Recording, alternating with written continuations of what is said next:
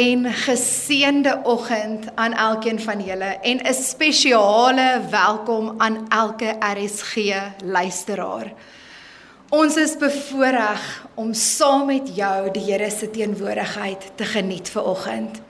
Ons gemeente is gevestig hier in Peer van Reyneveld in Pretoria en ons missie is om gelowiges toe te rus sodat ons bemagtig kan word deur die Heilige Gees om getuies van Jesus te wees. In 'n wêreld waar baie mense hulle eie stemme dik wil maak, is dit ons hart en visie om Jesus se stem te ekho. En dit is hoekom ons ons egos op sy wil skuif sodat ons net sy waarheid kan ekho. En dit is ook waar ons gemeente ons naam vandaan kry. Echo gemeente. En soos Paulus in Efesiërs 3 vers 8 wat sê dat elkeen van ons het die genade ontvang sodat ons die evangelie, die goeie nuus van Jesus kan verkondig en kan ekho. Nie net deur ons woorde nie, maar ook deur ons lewenstyl. Vanoggend is ek opgewonde om met julle te praat oor die tema jou getuienis as jou nalatenskap. En ons gaan spesifiek kyk na die storie van die man van Gadara wat ons van lees in Markus 5. Nou voor ons in die woord van God gaan delf, kom ons vra die Heilige Gees om ons harte voor te berei. Kom ons bid saam. Here, U is die enigste een wat waardig is van al die lof en al die eer. Dankie vir die voorreg om U te ken. Help ons om ver oggend in gees en waarheid te aanbid en U met oorgawe te dien. En Heilige Gees, kom raak elkeen van ons aan op die manier wat ons nodig het vir oggend en ek bid dit in die wonderlike naam van Jesus. Amen. Kom ons sing nou saam, hoe groot is ons God as ook U is waardig van al die eer.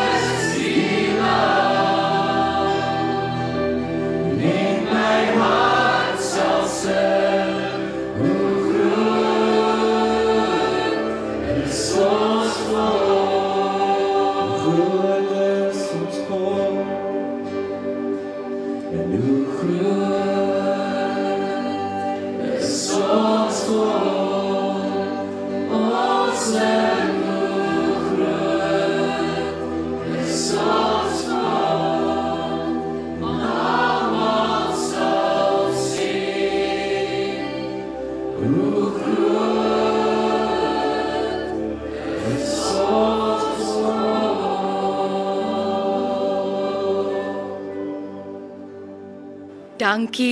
Here vir u woord en Heilige Gees, ek wil kom vra dat u dit lewend sal maak in elkeen van ons se harte.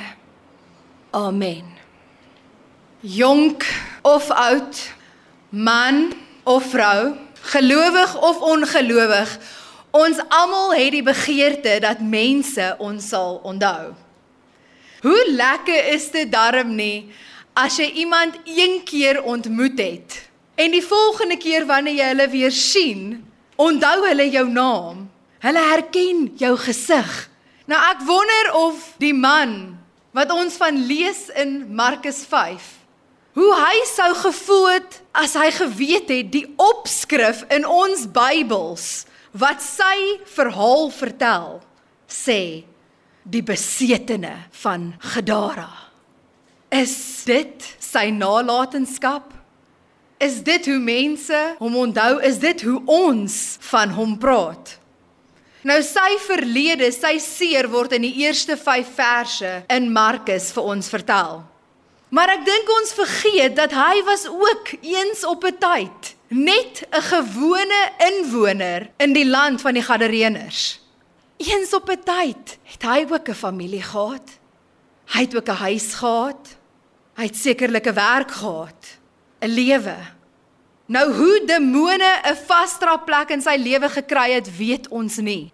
Maar ons weet wel die gevolge van daardie demone. Ons weet hy moes sy familie verlaat. Hy moes sy huis verlaat, hy moes sy dorp verlaat. Gestroop van alles wat eens vir hom mooi en kosbaar was. En nou moet hy tussen grafte gaan leef onder die beheer van demone, vuil, stinkend en kaal. 'n Antisosiale man, 'n kwaai man wat sommer almal wat daar verbygekom het, aangeval het en hulle verdryf het uit die gebied. Selfs die Romeinse owerheid kon hom nie onder beheer kry met boeye en met ketTINGS nie. Want hy het daai boeye en daai ketTINGS uitmekaar uitgeruk. Mes kon seker sy geskree hoor vir kilometers ver dag en nag. En hy het homself besig gehou deur om sy liggaam met klippe stikkend te kap. Dit is wat ons vandag sal noem selfskending. Mense skend tot vandag nog hulle liggame. Sy storie en sy verlede mag dalk vir party van julle baie ekstreem klink. Party van julle gaan dalk nie heeltemal julleself daarmee kan vereensgewig nie. Maar elkeen van ons het 'n storie. Elkeen van ons het 'n verlede. Elkeen van ons het iets waaroor ons skaam is of waaroor ons skaam was.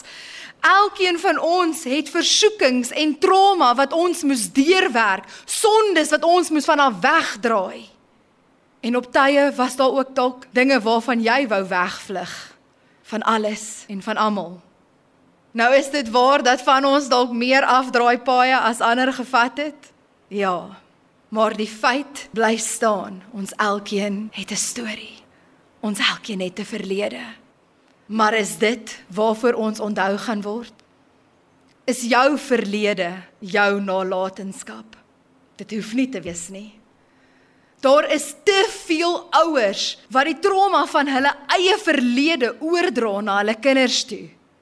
Ons maak dikwels ander seer as gevolg van ons eie seer. Maar hier is wat ons sien by die man van Gadara. Ons sien dat die oomblik toe hy 'n persoonlike ontmoeting en ervaring met Jesus gehad het, het alles verander. En julle ek praat nie van tweedehandse ervarings wat jy hoor hoe iemand anders die Here ontmoet het nie. Jy sien baie mense weet van God, maar hulle ken hom nie as hulle eie persoonlike verlosser en redder en Here en trooster en geneesheer en voorsiener, hulle beste vriend en hulle eerste liefde nie. 'n Persoonlike ervaring en ontmoeting met die Here is meer as net om uit godsdienstigheid 'n versie uit jou Bybel uit te lees. Dit is meer as net 'n kulturele tradisie om kerk toe te kom of 'n gememoriseerde gebed op te sê. Die Here wil elkeen van ons persoonlik ontmoet. Dit is nie net vir party nie, dit is vir elkeen beskore. Dit is hoekom hy Jesus gestuur het, hoekom hy die hoëpriester gestuur het, sodat ons direk met vrymoedigheid elke dag hom kan ervaar. Nou so 'n persoonlike ervaring veroorsaak verandering. En ek wil dit duidelik sê, godsdienstigheid kan dalk dat jy dieselfde nog lyk, maar 'n persoonlike ontmoeting met Jesus, jy kan nie anders as om te verander nie. Sy teenwoordigheid verander jou. Nou ons lees in Markus 5 van vers 6 tot 13 lees ons oor hoe duisternis vlug toe die lig Jesus opdaag in Gadara. Want jy sien demone kan nie in God se teenwoordigheid bly nie. En hoeveel keer het ek nie al in my eie lewe gesien hoe 'n persoon se gelaatstrekke verander as hulle Jesus beleef het nie. 'n Persoon, hulle hulle gesig begin sommer gloei wanneer die vrede wat alle verstand te bowe gaan oor hulle kom en die man van Gadara was aangeraak deur Jesus. Daardie ervaring het hom verander en het hom verander op so 'n wyse dat selfs die inwoners van Gadara kon sien hy het verander. En ons lees dit in Markus 5 vers 15. Sê hy: "Toe kom hulle by Jesus en dis nou die inwoners en sien die besetene sit gekleed en by sy verstand die een wat die legioen gehad het en hulle was bevrees. Hulle was bevrees want daar is baie mense wat nie kan verstaan wat dit beteken om 'n ontmoeting met die Here te hê nie. Baie mense sukkel om te verstaan hoe Jesus skaamte kan verander in vrymoedigheid hoe die Here gedagtes kan vernuwe, hoe die Here sieraad vir as kan gee, hoe die Here 'n storm kan stilmaak en vir jou vrede kan gee al is die storm nog aan die gang. Baie mense kan nie verstaan dat iemand hulle verlede kan gebruik as 'n getuienis omdat God ingetree het nie. Na die man van Gadara se persoonlike ervaring met Jesus doen hy wat meeste van ons doen wanneer ons 'n ontmoeting met Jesus het. Ons wil net in sy teenwoordigheid bly. Ons wil nie elders heen gaan nie. Kan ek maar net by Jesus bly? Kan ek maar net in sy teenwoordigheid bly? Dit is so kosbaar. Maar jy moet mooi hoor wat is Jesus se antwoord. Markus 5 vers 18 sê en toe hy Jesus in die skei klim, het die man wat van die duiwels besete gewees het, hom gesmeek om by hom te kan bly. Julle wat 'n mooi begeerte, wat 'n mooi gebed is dit nie? Dit behoort elkeen van ons se begeerte te wees. Here Jesus, kan ek maar net hier by U bly? Ek wil by U wees. En ek dink daar is baie kinders van die Here wat wonderlike ervarings met God het. Wat ongelooflike getuienisse het om te vertel. Maar hulle is bang en onvrymoedig om in die wêreld te gaan getuig.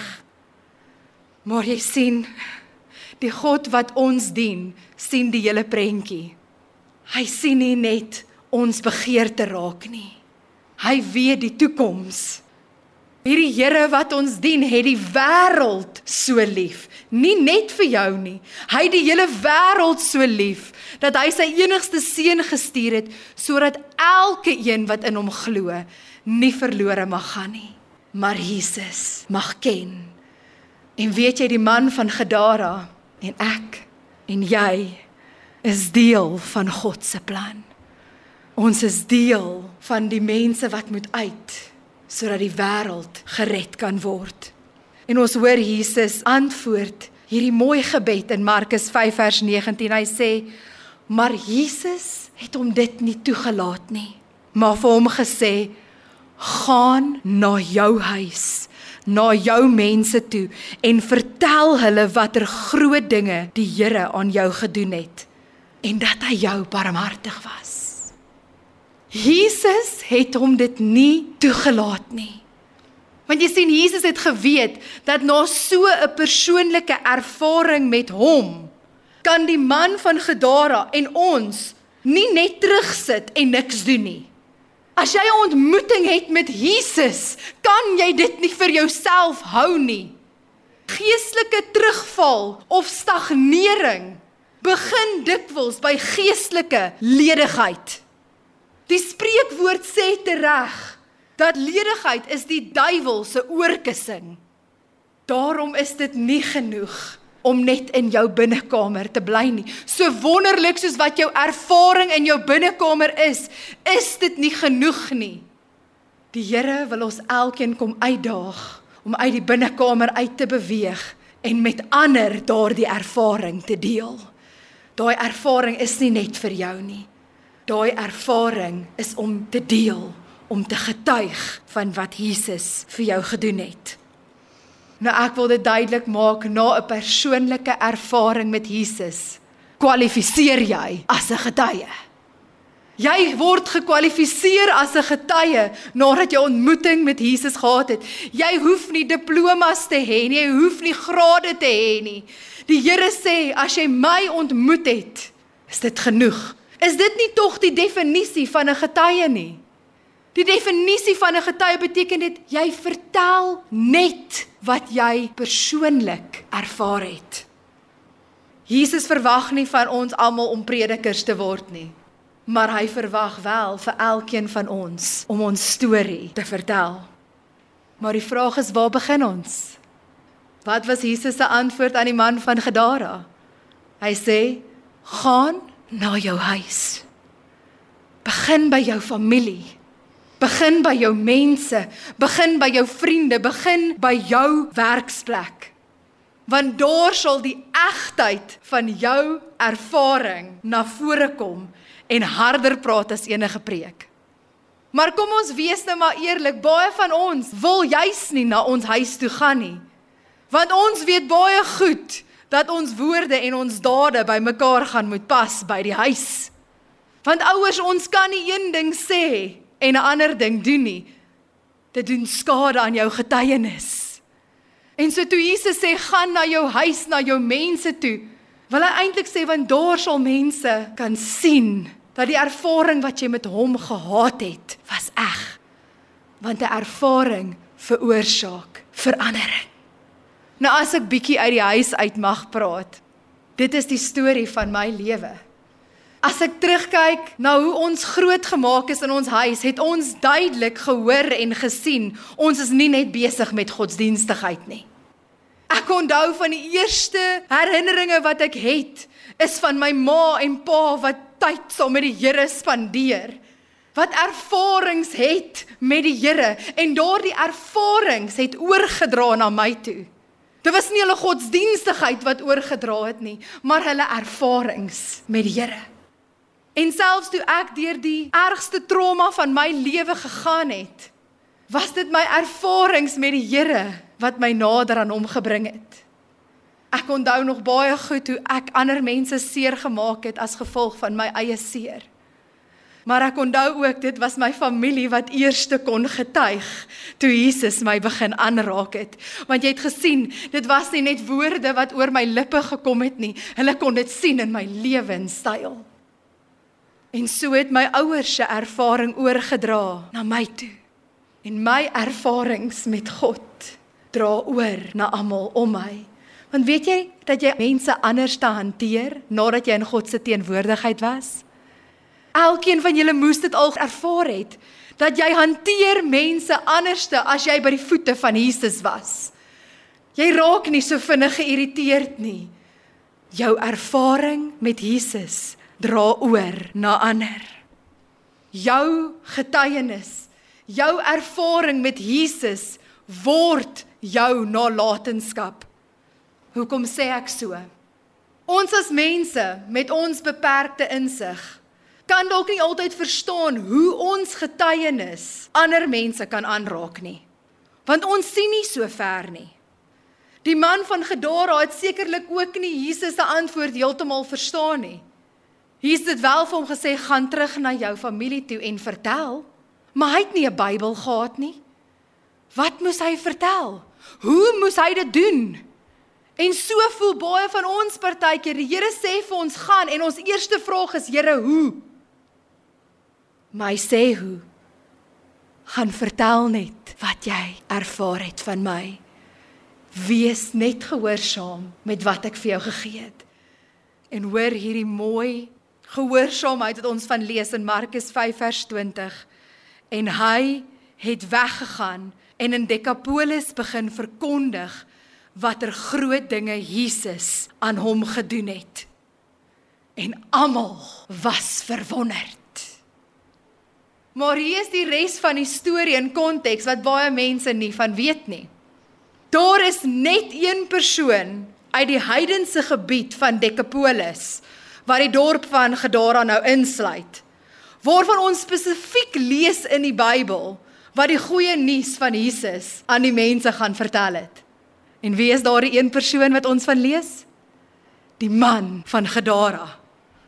En oor die volgende paar jaar het daar in verskillende dorpe en stede in Decapolis het daar Christelike gemeentes ontstaan. Nie as gevolg van 'n prediker nie, nie as gevolg van 'n apostel nie, maar as gevolg van een getuie. Dink bietjie daaraan. Gemeentes vol gelowiges wat gered is as gevolg van die besetene van Gadara. Een man wat 'n ervaring gehad het en die getuie van Decapolis geword het. Nou ek persoonlik dink, ek dink ons almal moet die opskrifte in ons Bybels gaan verander want ek dink die opskrif in Markus 5 moet eerder sê die getuie van Decapolis in plaas van die besetene van Gadara. Wat ons nalatenskap is nie ons verlede nie. Jou getuienis is jou nalatenskap. En hier is die wonderlike ding. 37 jaar later, na sy ontmoeting met die Here, in 70 na Christus, het Pella wat een van die stede van Decapolis is die toevlug geword vir 'n groot aantal Christene wat moes vlug van die Romeinse owerheid wat Jerusalem verwoes het. Pella was daarna vir 'n aantal jare die hoofsetel van die vroeë kerk. En wie het hierdie vroeë kerk gestig? Weereens nie apostel nie, maar 'n getuie 'n getroue getuie die vorige voormalige besetene van Gadara waarheen sou Christene gevlug het as dit nie was vir een getuie nie jou verlede diskwalifiseer jou nie nie as jy dit vir Jesus oorgegee het nie maar kan jy ook ver oggend getuig dat jy al 'n persoonlike ontmoeting met die Here gehad het. Staan jy in 'n lewendige verhouding met hom? Want as jy doen, dan roep die Here jou ook as 'n getuie. Kom jou familie en jou mense en jou vriende kom hulle agter dat jy by Jesus was en dat jy 'n pad met die Here loop.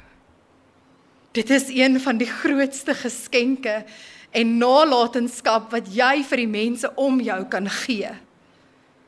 Jou getuienis, jou ervaring sodat hulle Jesus deur jou kan ervaar.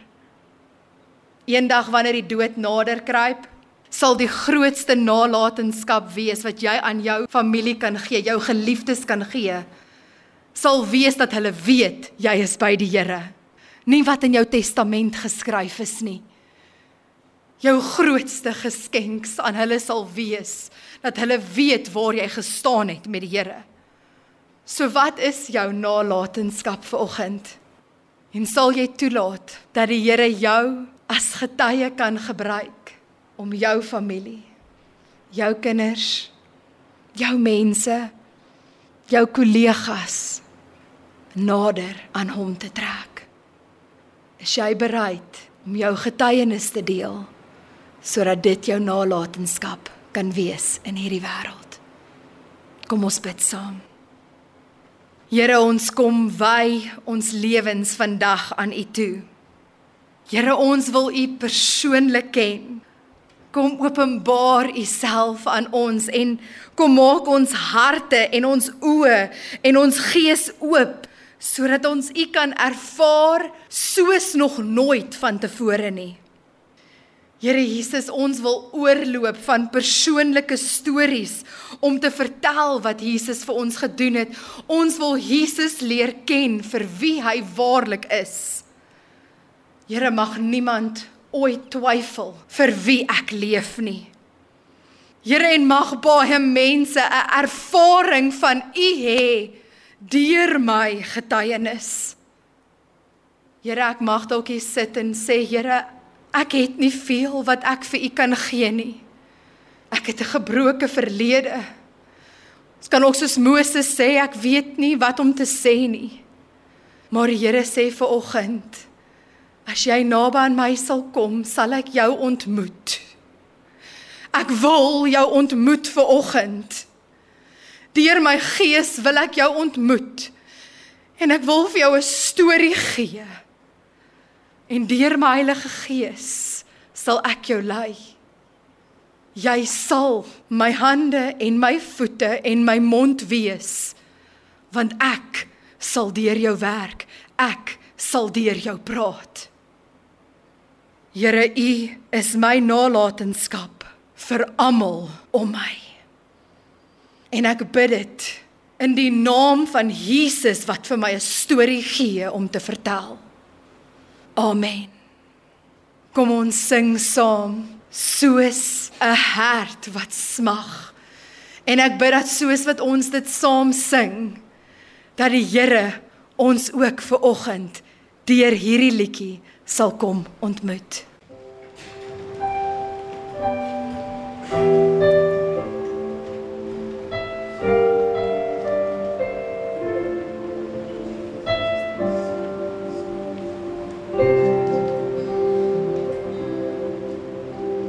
So